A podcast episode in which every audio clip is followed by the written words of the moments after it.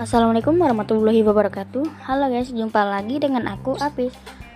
Podcast aku kali ini adalah adaptasi makhluk hidup. Adaptasi makhluk hidup adalah cara organisme dalam mengatasi lingkungan sekitarnya untuk bertahan hidup. Organisme yang bisa beradaptasi terhadap lingkungannya mampu untuk memperoleh air, udara, dan nutrisi. Adaptasi terdiri dari tiga macam adaptasi, morfologi, fisiologi, dan tingkah laku.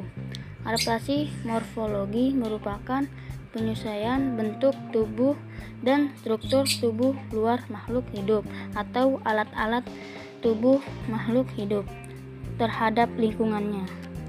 Adaptasi fisiologi merupakan penyesuaian fungsi alat tubuh bagian dalam pada makhluk hidup terhadap lingkungannya.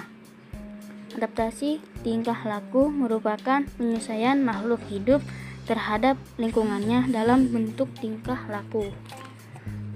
Demikianlah podcast aku kali ini. Bye bye teman-teman, sampai jumpa lagi.